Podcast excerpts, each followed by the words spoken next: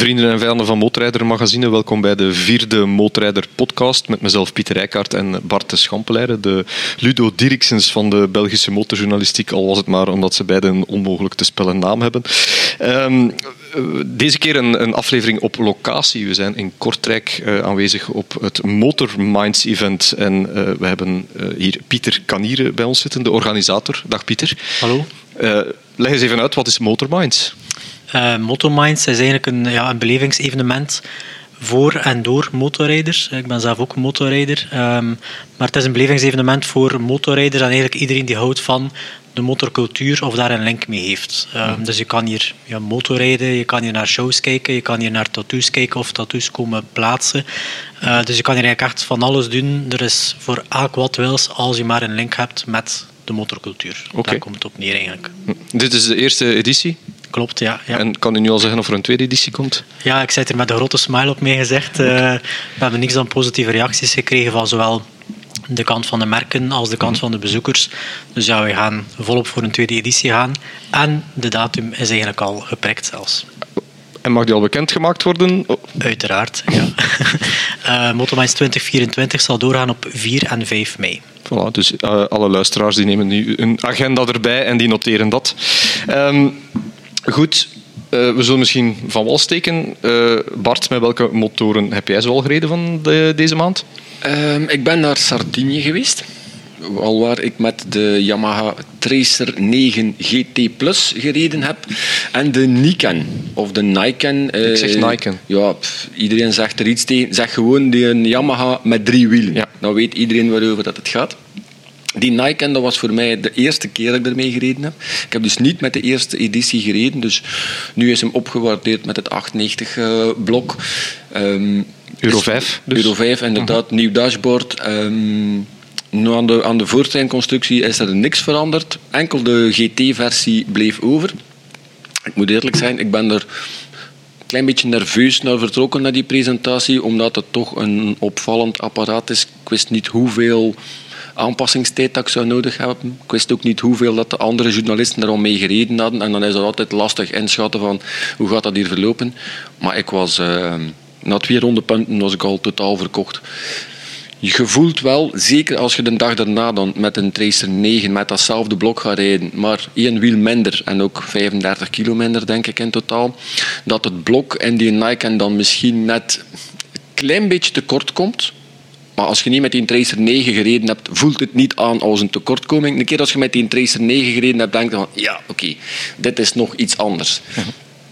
Tracer 9 trouwens, um, super, super, super goede motto. En naar stuurgedrag, naar comfort toe. Heel veel elektronica toegevoegd. Of dat die elektronische snufjes die erbij gekomen zijn, of dat die allemaal even noodzakelijk zijn, dat laat ik in het midden. Bijvoorbeeld zo'n adaptieve cruise control. De mogelijkheid om de, de quickshifter te blijven gebruiken als de cruise control opstaat.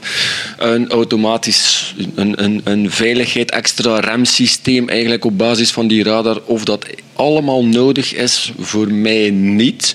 Maar ik kan me wel inbeelden dat er veel motorrijders zijn die zeggen van voor mij is dat wel een nuttige toevoeging en die daar dan ook een paar duizend euro extra voor over hebben. Ah, wel, die paar duizend euro, dat is dan mijn, direct mijn vraag. Ik heb de prijs niet gecheckt, maar wat is de prijs van de Tracer 9 GT Plus? Oh, los uit het hoofd uh, moet ik het nu ook even schuldig blijven. Ik weet, ik heb sowieso geschreven dat hem, uh, dat hem voor, zijn, voor zijn kwaliteit en alles wat dat erop zit, dat hij scherp geprijsd is. Ah, ja. Maar de vraag blijft van, heb je dat allemaal nodig? Uh uh, want de gewone Tracer 9, die kennen we. De 9, uh, de GT, met de betere vering dan... Um, dat is sowieso ook al minstens een overweging om dan nog een keer extra geld te gaan uitgeven voor die, al die elektronica erbij. Ik weet het niet. Voor mij persoonlijk hoeft het niet. Er waren minstens evenveel journalisten daar ter plekke die zeiden van voor mij persoonlijk is het wel een plus. Dus ja. Oké. Okay. Van mijn kant, ik ben uh, ook naar Sardinië geweest naar de KTM 890 SMT. En daar keek ik ontzettend hard naar uit, want um, de eerste generatie SMT, de 99 was dat dan, van, ja, wat was dat, 2005 of zo denk ik, of 2007, nee, 2007 is die uitgekomen. Ik vond dat een fantastische motto. En nu ook zo'n een, een 890 Adventure met 17 inch wielen erop. Volgens mij kon dat niet slecht zijn. Ehm, nu, het was eh, een organisatie op zijn KTM's, zullen we maar zeggen. Dus de, meestal zo die persconferenties voordien, of die, die perspresentaties voorin, waar, dat uitgelegd wordt wat de bedoeling is en, en, wat er allemaal veranderd is aan de motor en weet ik veel. Maar dat zijn zo nogal ja, vrij saaie bedoelingen, daar moeten we gewoon eerlijk in zijn. Deze begon met uh, de, de speaker die ze, uh, iedereen vroeg van, kunnen we een hell jij krijgen alstublieft? Dus moesten we allemaal hell jij roepen. Um, en dan gingen ze op het, een, een drafje door richting we gaan dit segment, dit saaie segment van de sporttoerders in de ballen schoppen. En dit is een hardcore bike for hardcore people. En weet ik veel allemaal. Dus wij zaten nog allemaal te daveren op onze stoel. Maar de foto's die vooraf van hen zelf ook al verspreid ja. worden, dat liet ook al niets aan de verbeelding meer over. Nee. Dat was de van de eerste nee, ze hadden een of, andere, een of andere, ik ben zijn naam even kwijt, het spijt mij, maar uh, een of andere Amerikaanse supermotto-kerel uitgenodigd die ook al drie keer Pikes Peak had gewonnen. En uh, dat was dus ook het thema van de dag. Heuvelklim. Dus ze hebben op een gegeven moment, daar moeten dus ook KTM voor zijn, gewoon een stuk weg afgezet en gewoon een heuvelklim georganiseerd voor de, de aan, uh, het aanwezige journalistentuig. Waar dat, doorgaans is er zo een, een, ook als er uitgelegd wordt van kijk, dit is de route hè, en kijk, uh, er lopen wat beesten op straat soms of er ligt wat kiezel hier en daar en je hebt een voorrijder en die zal dan wel het tempo bepalen, maar als het niet gaat, blijf dan achter. Nee, nee, we gaan gewoon de baan afzetten en we gaan gewoon een heuvelklim doen en eindigde daar ergens onder een vangrail de ravijn in. Is uw probleem ready to race, hell yeah. Weet je? dat, allee, ja. Goed, maar los daarvan... Een beetje een verdeelde mening over de SMT. Uh, heel geestige motto, maar de, allee, zo de eerste twee, drie bochten uh, zat ik iedere keer bijna aan de binnenkant van de bocht uh, met mijn elleboog of met mijn knie in het gras. Waarbij dat dan hoopt dat er dan niet een of andere populier die nog zijn, zijn vormsel moet doen al aan het schieten is of zo. Maar goed. Um, ja, heel nerveuze motto. Heel nerveuze motto. Dus um, ik heb die dan nadien... Meestal blijf ik van de, van de vering af op presentaties, omdat kijk, dit is de motto hoe dat ze hem lanceren en zo rijk er dan ook mee. Maar ik heb, die, um, ik heb hem allemaal iets stroever gedraaid. Uh, het was vooral de voorvork die heel hard duikt allee, dook, sorry. Um, en dat maakt dat hij ja, bij, het insturen en zo heel, heel nerveus werd. Um, en dan nadien met het allemaal wat stroever te zetten, uitgaande demping ook en dat soort dingen, eh, was het een stuk beter. Maar los van het feit dat, een erg goeie, dat ik het een erg goede motto vond, ontbrak mij toch zo'n beetje het gevoel van die, die een eerste van dit is hem. Ik, ik heb er niet mee gereden, uiteraard. Maar op basis van hetgeen dat ik ervan gelezen heb, van uw test en van hetgeen dat ik van de foto's gezien heb, heb ik mij de bedenking gemaakt, volgens mij leunt hij dichter aan bij de SMR van vroeger dan bij de SMT van vroeger. Ja, uh, Want een SMR was ook nog veel meer een, een hardcore supermotto. Wat, uh, en de deze, denk ik, ook qua styling, qua look, sluit hij er ook beter bij aan. Want de SMT van vroeger had toch net iets meer bescherming ook. Hè. Die was ja, toch ja, Iets, iets beter voor de lange afstand opgebouwd, wat mij betreft. De, de SMT, ja, de SMR was, was, ja, was een supermotto. Deze mm ook heeft een hoog voorspatbord. Kuipken die erop zit is ja, zeer ondermaats voor, voor, een, allez, voor de T in, van de toerisme die erop staat. Dus in die zin, maar allez, geestige motto. Ik wil, er, ik wil er echt wel eens in België ook mee rijden en eens, eens wat langer mee rijden en op, op mijn tempo. Ik wil ook eens kijken of dat er ook toeristisch mee gereden kan worden, want dat was dus opnieuw niet aan de orde bij KTM. Dus uh, goed. Uh, maar ja, de rest uh, moet uh, geïnteresseerde mensen maar lezen in de motorrijdermagazine die momenteel in de winkels ligt. ik heb ook nog eens met een NT 1100 DCT gereden. Dat was een soort herkansing. Want we hebben daar vorig jaar op het einde van het jaar mee gereden. met een aantal mensen. Ik denk dat wij met vijf waren. En wij waren met vier die allemaal zoiets hadden van wat is dat met dit ding? Dat kunnen gewoon niet meer sturen. We hebben die motto dan ook navenant besproken. Uh, uiteraard was Honda daar niet helemaal tevreden. Allee, ze waren daar sportieven, hè, daar moeten we mhm. gewoon eerlijk in zijn. Maar um, die motto hadden ze al verkocht, dus we konden daar niet opnieuw mee rijden om te kijken van wat, wat, wat, wat is er dan mis mee. Uh, ik vrees dat er iets met de banden scheelde of, of dat er aan de voorvering gemorreld was. Dat is, dat is een beetje het probleem een motto dat wij die onder ons kont geschoven krijgen, wij weten niet altijd wat dat daarmee gebeurt natuurlijk. Maar deze uh, heb ik uh, twee dagen mee in Luxemburg gespendeerd en ik kan zeggen, een NT1100 DCT stuurt. En hij stuurt zelfs behoorlijk goed. Ja. Dus ik, ik, was een van die, van die vijf die ermee gereden heeft. Ik denk dat ik er ook absoluut de meeste kilometers mee gereden heb. Want ik ben er even mee naar het zuiden van Frankrijk gebuffeld. Mhm. Dus ik denk dat ik op uh, vier dagen tijd uh, 2500, 2600 kilometer mee gereden heb. Ik vond dat een zeer comfortabele motor op de snelweg voor lange afstanden mee te rijden.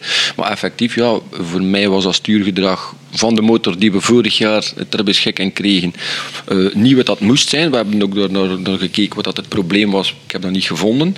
Um, maar goed, het is, het is ik ben blij dat het nu rechtgezet is, dat, het, dat er effectief een, eh, een, een second opinion gekomen is en dat het blijkbaar effectief toch wel een technisch probleem te weten was. Ja, wat dat technisch probleem is, dat gaan we dus niet te weten komen, maar goed. Um, en dan zijn wij verder, uh, vooral met onze extra toeren-editie uh, aan de slag gegaan. Hè. Deze, deze maand, uh, die ligt ondertussen ook al in de winkels, terwijl u dit hoort. Um, en daarvan was de insteek geografisch geïnspireerde motornamen. Nu, hoe hebben we dat uh, omgezet in, uh, in, uh, ja, in pagina's, zeg maar, Bart?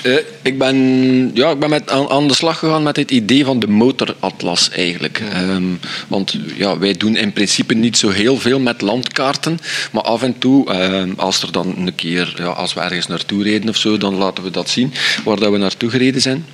Um, maar in dit geval zijn we dus uitgegaan van het feit van we hebben ons huiswerk uh, geprobeerd om te maken en we zijn toch aan 100 merken van motoren en of modelnamen gekomen die rechtstreeks gelinkt zijn aan een stad of een plaats of een gebergte of een, een woestijn. Uh -huh. Van een Yamaha Tenere tot een Triumph Bonneville bijvoorbeeld hebben wij dus een honderdtal van die uh, machines gevonden om daar onze Tour Special aan op te hangen. We hebben dat enerzijds gedaan met landkaarten. Een paar landkaarten van de wereld om allemaal die modellen effectief de plek te geven die ze verdienen. En dan een aantal landen die er uiteraard uh, ja, uitspringen naar het aantal motoren die hun naam eraan te danken hebben. Zoals Italië en Engeland uiteraard. Um, kwestie van het nog wat verder uit te diepen, zijn we dan ook met een paar van die motoren die genaamd zijn naar een stad of plaats, ook effectief naar die stad of plaats gaan rijden. Alhoewel dat we daar een min of meer een eigen invulling van gegeven hebben. Veel mensen weten waarschijnlijk niet dat Bonneville ook een dorp in België is. Nee, nee klopt. klopt. En achteraf gezien, het feit dat niemand dat weet, had mij al een lichte waarschuwingslamp moeten geven van er zal weinig te beleven vallen. en dat was ook zo, want er is geen fluit te doen. Ja. Helemaal niets. Net zoals dat Amerika, jawel, een plaatsnaam in Nederland een ja, ingeslapen dorpje is. Maar ik vond het toch plezant om er met een Pan-Amerika van, uh, van Harley naartoe te rijden. En de vertrekplaats was dan wel weer een absolute topper, zijnde het American Motorcycle Museum van Max Middelbos in, uh, in Raalte. Een motormuseum waar dat iedere motorliefhebber uit de lage landen gewoon ooit een keer moet geweest zijn. Punt. Ja. Dus op die manier hebben we daar onze eigen, uh, onze eigen draai aan gegeven. Ik denk wel dat het uh, ja, leuk was. Ja, ik blink uit in afwezigheid, want ja, ik heb de Honda Deauville natuurlijk. En die is genoemd naar de uh, badplaats Deauville in Frankrijk. Maar ik heb nog geen nummerplaat. Nog steeds niet. En ik heb er alles aan geprobeerd om die uh, nog te krijgen voor de deadline van de toeren. Uh, maar wegens een ontbrekend COC-document, uh, dat ik ondertussen trouwens teruggevonden heb in de topkoffer die ik ergens al in de verste hoek van mijn garage had gesmeten, ehm, ja, heb ik dus niet kunnen deelnemen, helaas. Maar ik maak dat dan wel op andere manieren goed. Of de Deauville op andere manieren kapot. We zullen het zo zeggen.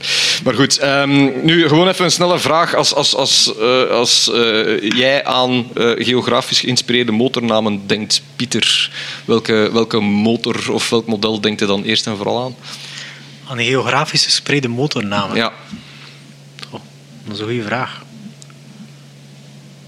Anders laat ik u nog even nadenken. Ja, misschien even nadenken. Bij mij is dat heel simpel. Ja. Bij mij is dat eerst en vooral Daytona. Ik, ik, ik weet niet, ik zit in een ongelooflijke Moto Guzzi Daytona fase. ja, en, en ik weet niet, en het is met beginnen dagen waar dat er vandaan komt. Dat is een van de eerste ja, ritten die ik ooit door de Ardennen gedaan heb, dat was uh, het volgen van de oldtimer de negen provinciën. Okay. Uh, misschien wel bekend bij de liefhebbers. Ja. En er was iemand die meereed met zo'n Daytona, uh, Moto Guzzi Daytona 1000. En ik heb die dan proberen volgen doorheen de... Dat was de Franse Ardennen toe. En dat was eigenlijk de eerste grote les in ja, motorstuurkunde die ik toen heb mogen ervaren. Um, en volgens mij, ik, ik, allez, ondertussen weet ik al iets meer over motto's. Ik denk zo'n Daytona, als je dat ziet staan, volgens mij moet dat een ongelooflijk varken van een motto zijn om mee te rijden. Wat, is, wat dat die mens daarmee uitstak, echt waar. Uh, dus ik, ja, ik weet het niet. Ik wil daar is uh, ja, eigenlijk wel eens mee gereden hebben met zo'n Daytona. En dan een andere is een uh, Triumph Daytona 675R. Daar heb ik ooit een presentatie van gedaan op het circuit van uh, Portimao. En dat is volgens mij, ook qua circuitgebied in elk geval, de best sturende motor waar ik ooit mee gereden heb. Dus ja. misschien het andere uiterste van het uh, spectrum of zoiets, maar dat was, dat was, op, dat was een fenomenaal goede ja. auto. Vurig pleidooi trouwens dat die zou terugkomen. Hè. Ze hebben nu het perfecte chassis, ja. de perfecte basis met, uh, met de Street Triple die -hmm. verfijnd is tot in zijn allerkleinste details. Kan eigenlijk voor Triumph niet zo heel veel werk zijn om daar weer een Daytona 675 van te maken. De vraag is of dat de markt er nog naar is natuurlijk, hè? maar goed. Ja. Gewoon als statement. Ja, ze, ze, zijn, ze zijn aan zichzelf verplicht, vind ik. En ondertussen al iets kunnen bedenken, Pieter? De stadsnaam niet. Ik denk eerder aan de regio en ik denk dan aan de Desert. Mm -hmm. Desert X. Ja. Ja. Dat is een machine, ik had heel graag dit weekend dan een keer hier getest, maar het ontbreekt mij aan een tijd. Dus dat, dat is de vloek van de organisator natuurlijk. Dat is de vloek van de organisator. Dat ziet er allemaal leuk uit, maar die dingen ontbreken dan. Ja, ja uh, ik kan het u alleen maar aanraden. Ook daar heb ik de presentatie gedaan, ook op Sardinië trouwens. En uh, ik, ja, ik, ik denk dat dat Money No Object misschien momenteel wel uh, een van mijn favoriete motoren is. Ja. Ja, ja. Echt super, dus ja, zeker doen. Zeker doen. En Bart, jij? Ja, ik denk aan een Capo Noord. Denken aan een Noord? Ja, nee, gewoon omdat de bestemming uh, nog zeer hoog op mijn verlanglijst staat. Of dat ik er dan effectief met een Capo Noord ga naartoe rijden, dat is een andere, een andere kwestie. Maar de Noordkap, dat is toch iets van... Um, ik weiger uh, tussen zes planken te kruipen voordat ik daar geweest ben. Dus dat is al een doel op zich. Um, ik zeg het met welke motto dat, dat gaat gebeuren, dat weet ik nog niet. Um, maar de Capo Noord op zich is eigenlijk ook wel... Wel, ja, we zijn opnieuw eer je begint, want met Jum Benelli en wat is het allemaal? Heel toevallig uh, heb ik van de week gesproken met een, uh, een monteur van een uh, motorzaak, dat is Bikerzoon in Denderaatem trouwens, mijn, mijn dorp. Ik heb daar mijn ZXR 750 binnengestoken, omdat ik ging daar weer van alles zelf aan doen, maar ja, het schiet niet op. Ja. Dus ga ik dat maar aan een professional overlaten. En die had net een Capo Nord binnengehad en die heeft daar een veringrevisie van de voorveren moeten van doen. Die is daar drie dagen mee bezig geweest. Okay, ja. Mede door een, een, een, foutje uit zichzelf, maar dat, dat was allee, tot daar aan toe. Maar je moet dus blijkbaar, als je die voorveer er wilt uithalen, echt drie kwart van die motto demonteren. dus die heeft daarop gevloekt dat het niet normaal was. Dus ik zou je aanraden, en ook de mensen thuis, als je een Capo Noord koopt, kijk of dat de boeragen van de voorvork niet lekken, want anders zijn we een week kwijt, sowieso. Trouwens, dus van Sardinië gesproken. Ik heb uh, recent vernomen dat er achter de schermen nog redelijk gebakkeleid is tussen uh, Yamaha en KTM over de data en de locaties waar dat de presentaties gingen uh, georganiseerd worden. Blijkbaar lopen de twee planningen zodanig door elkaar heen dat wij, ik, op mijn, ik dus, met mijn Tracer 9 GT Plus er frontaal in, in aanraking ging komen met een bende losgeslagen zotten op een KTM SMT. Dus goed dat ze daar nog even over, ja. over gediscussieerd hebben. Want in sommige regio's begint het wel iets in het voorjaar misschien wat te druk te worden met motojournalisten. Ik heb, ik heb het meegemaakt op de Honda Hornet-presentatie dit jaar. Er was ook een, de BMW S, nee, M1000R mm -hmm. uh, presentatie en op een gegeven moment kruisten we elkaar. en dan komt bij mij altijd het ding boven als ik zo aan het rijden ben met een motto. Ik denk dan altijd van, wat als ik van de andere kant zou komen? He, dus als ik zo'n... Allee, ik doe dat niet vaak, maar snijden dus een bocht af of weet ik veel wat allemaal. Ik doe dat niet vaak, maar meestal met de gedachte van, wat als ik van de andere kant zou komen? En bij deze werd ik daarmee geconfronteerd en ik ben de rest van de dag mooi op mijn drijvak gebleven. Dus, uh, ja. Nee, goed. Um, en dan hebben we nog een, een verhaal in de motorrijder staan over uh, zo van die motortrips. Ik, ik omschrijf het van, uh, je komt na die motortrip aan en nog het liefst van al zouden je motto nadien in de fik steken samen met je rijbewijs, door je rijbewijs brandend in de tank te steken. Van echt van die ritten, dat ze van zegt van dit, dit hoeft niet meer voor mij. Nu, we gaan opnieuw niet alles weggeven natuurlijk, dus we gaan het hebben over onze op één na slechtste motortrip. Bart? Ja, de, mijn, mijn allerslechtste motortrip die in blad stond, die, die stond echt wel ver van boven. Maar als je ondertussen, ja, hoe lang, 25, ja, iets meer, 28 jaar op de, op de motor zit, had ik eigenlijk wel een verdacht lange lijst die in aanmerking kwam van tweede slechtste motortrips. Dus dat op zich was al een teken aan de wand, vond ik. Maar ik ben dan eigenlijk voor de pijnlijkste gegaan. En het heeft op zich weinig met de mototrip zelf te maken, maar wel met het feit, we spreken over de presentatie van een Honda CBF 600. Ergens in Spanje, ik weet het niet meer, jij wordt er ook bij. Ik was daar, ja. En dat was de eerste en ook de laatste keer dat ik met een grote verkoudheid, as we say, een vallingen, in het vliegtuig gestapt ben. Met als resultaat dat bij het landen de overdruk in mijn hoofd niet echt weg kon, waardoor dat mijn middenoor gescheurd is. En dat is verschrikkelijk pijnlijk. Dat is op zich al redelijk pijnlijk. Als je dan de volgende dag een redelijke lange rit, ik denk dat het meer dan 200 kilometer Dat was- dat was lang Dat was een ja. echt lange dag rijden. En dat was altijd 400 meter omhoog, 200 meter naar beneden. 600 meter omhoog, 150 meter naar omhoog. Onder mijn helm was dat precies of dat er drie kabouters met een drillboor aan de slag waren. Dat was niet te houden. Ik had ook eigenlijk geen evenwichtsgevoel meer. Ik was totaal van de wereld. Ik heb die presentatie die een dag toch kunnen uitreden. Waarna dat de toenmalige ehm, PR-man voor Honda België, Maxime de Cordier, ik ben hem altijd dankbaar daarvoor, met mij naar het ziekenhuis gegaan is. Terwijl dat er voor de rest van het journaal een veel leukere avondactiviteit gepland was, zijn de karting. Ik herinner me, ze hebben mij uit die karts moeten snokken toen. Ja, wel, geen karting, maar een karting dus, effectief. Eh, Maxime was daar graag bij geweest, ik was daar ook graag bij geweest, maar hij is met mij naar het ziekenhuis geweest. En in, in Spanje waren ze toen in een tijd, eh, zeker in derde rangs hospitalen eh, en provinciestadjes, en een tijd al zeer ver voorbij, vooruit, sorry, eh, vergeleken met ons, want toen werd je daar al getrieerd op basis van kleurtjes. En mijn kleurtje was veel te licht om in de spoed snel geholpen te worden. Dus ik heb daar denk ik een kleine zes uur zitten kaarten, de andere manier dan, tegen dat ik uiteindelijk een dokter te zien gekregen heb, die mij daar een neusspray gegeven heeft en die zei van, daarmee gaat het allemaal over zijn. Wat ook effectief zo was, de volgende dag had ik, eh, ja, was dat een heel stuk beter. Ik ben ook kunnen terugkeren. Maar ik heb toen toch ruim een maand niet durven deelnemen aan wielerwedstrijden. Ik koerste dan nog. Want ik dacht, als ik nu naar de dopingcontrole moet en ze vinden hier iets en ik zeg van ja, ik heb dat gekregen van een dokter in Spanje waarvan dat ik zijn naam niet meer ken. Dat zeggen ze allemaal. Ja, voilà. Dus dat was ik gewoon gezien voor de rest van mijn carrière. Dus, eh alleen voor zover dat dat iets voorgesteld heeft, die carrière. Maar het is wel... En sindsdien weet ik ook van, van zodra dat ik ook maar de minste beetje hoofdpijn of een verstopte neus heb, altijd neusspray gebruiken en al voordat je in het vliegtuig kruipt. Want dat is, dat is echt zo verschrikkelijk pijnlijk. Ik heb het gevoel, ik ben ook zo in Tenerife geweest. Eh wij gingen ook een motorrit doen. Dus we hadden een motor gehuurd en ik had al dagen last van mijn keel en echt ongelooflijk veel pijn. En eh, ik zocht dus naar de dokter en hij gaf mij ook ja, cortisone, pillen, neussprays, alles erop en eraan.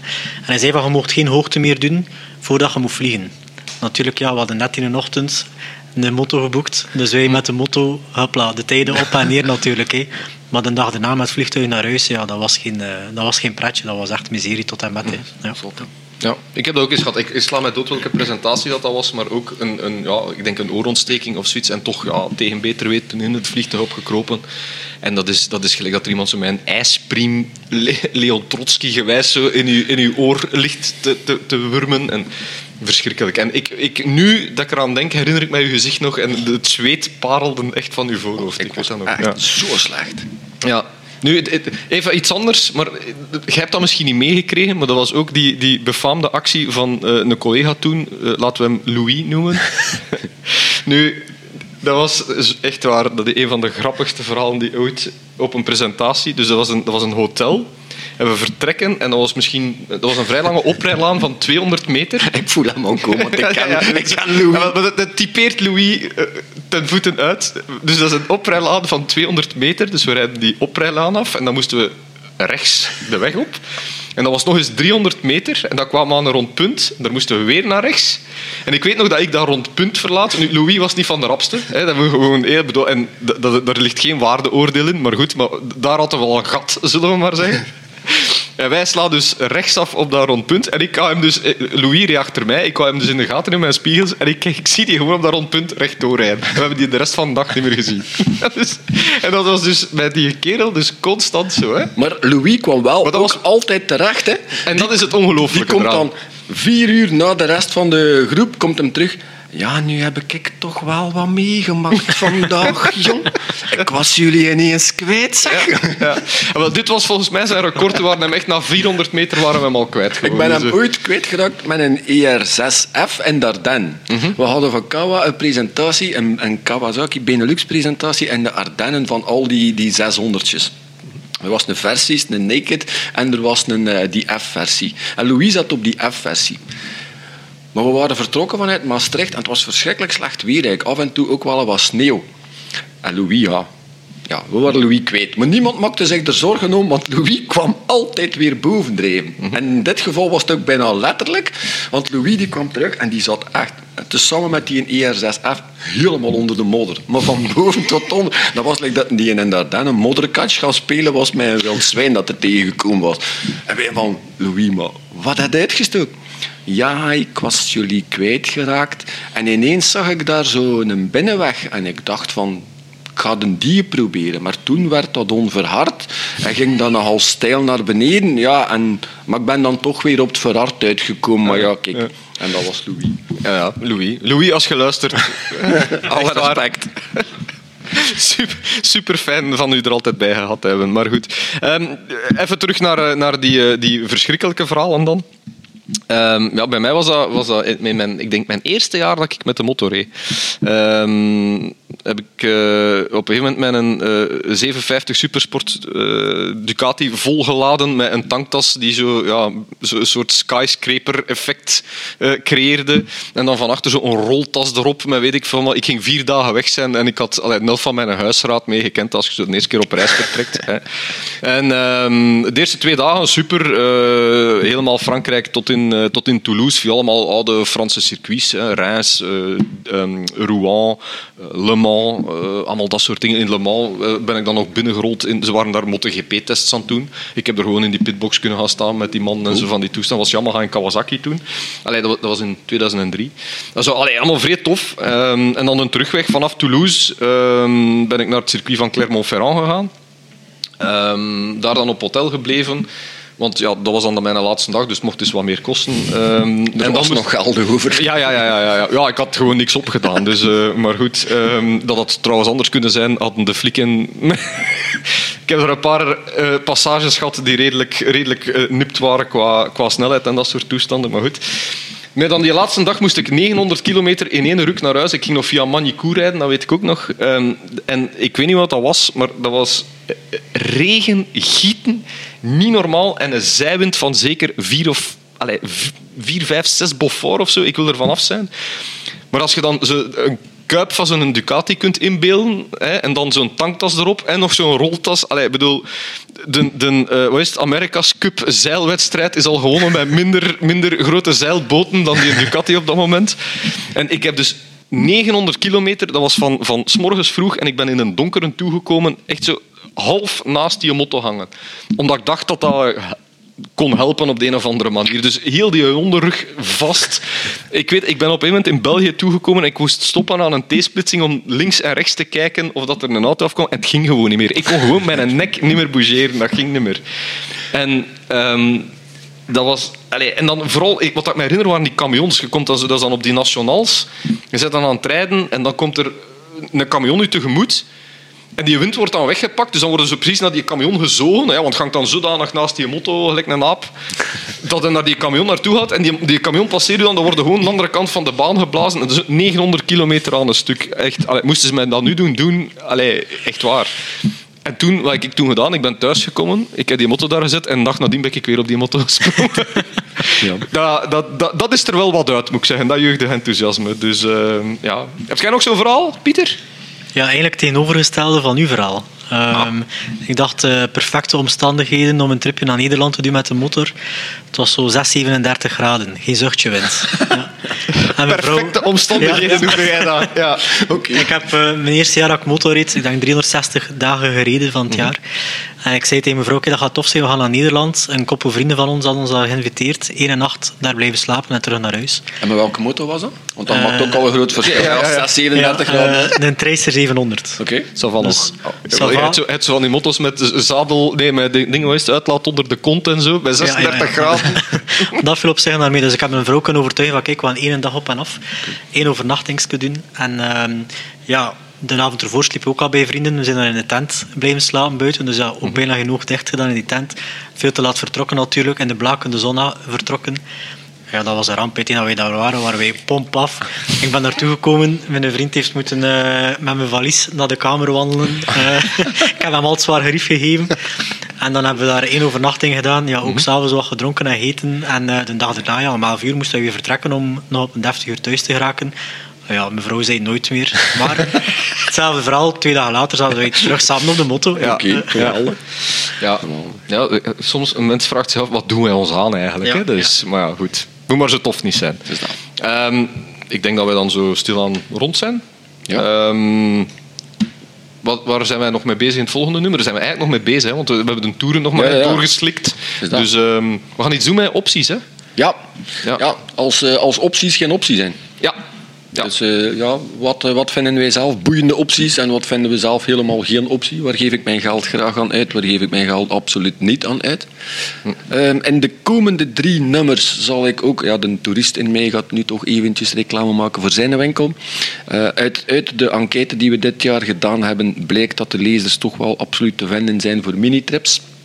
En aangezien dat de zomer er nu toch echt wel aankomt, zullen we in juni, juli en augustus, de toeristische route, zal iedere keer een tweedaagse zijn.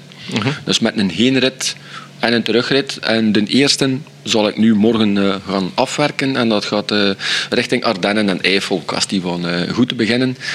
In de zomer trekken we nog een keer naar de Franse Ardennen, waar we een allroad rit gaan doen. En dan ook nog een stuk eh, Nederlands-Limburg en een ander stuk aan de Eifel. Dus iedere keer tweedaagse kwestie van een keer het schof open te trekken, Ja. zoals wij zeggen. Ja, nou, dat is zeer goed. Ja, de, rest, eh, de rest moeten we eigenlijk nog invullen, wat dan we er gaan Oh, insteken. we weten nog redelijk Ah, hè. maar ja, dat, dat lukt iedere keer wel. Jij Dus- zo eh, vakantieplannen met de motor, Pieter?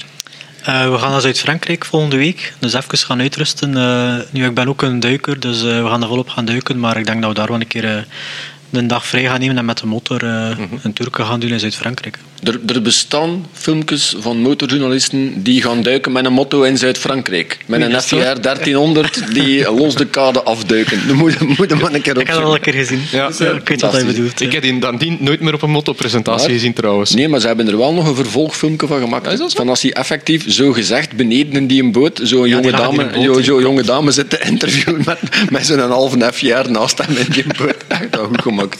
Ja.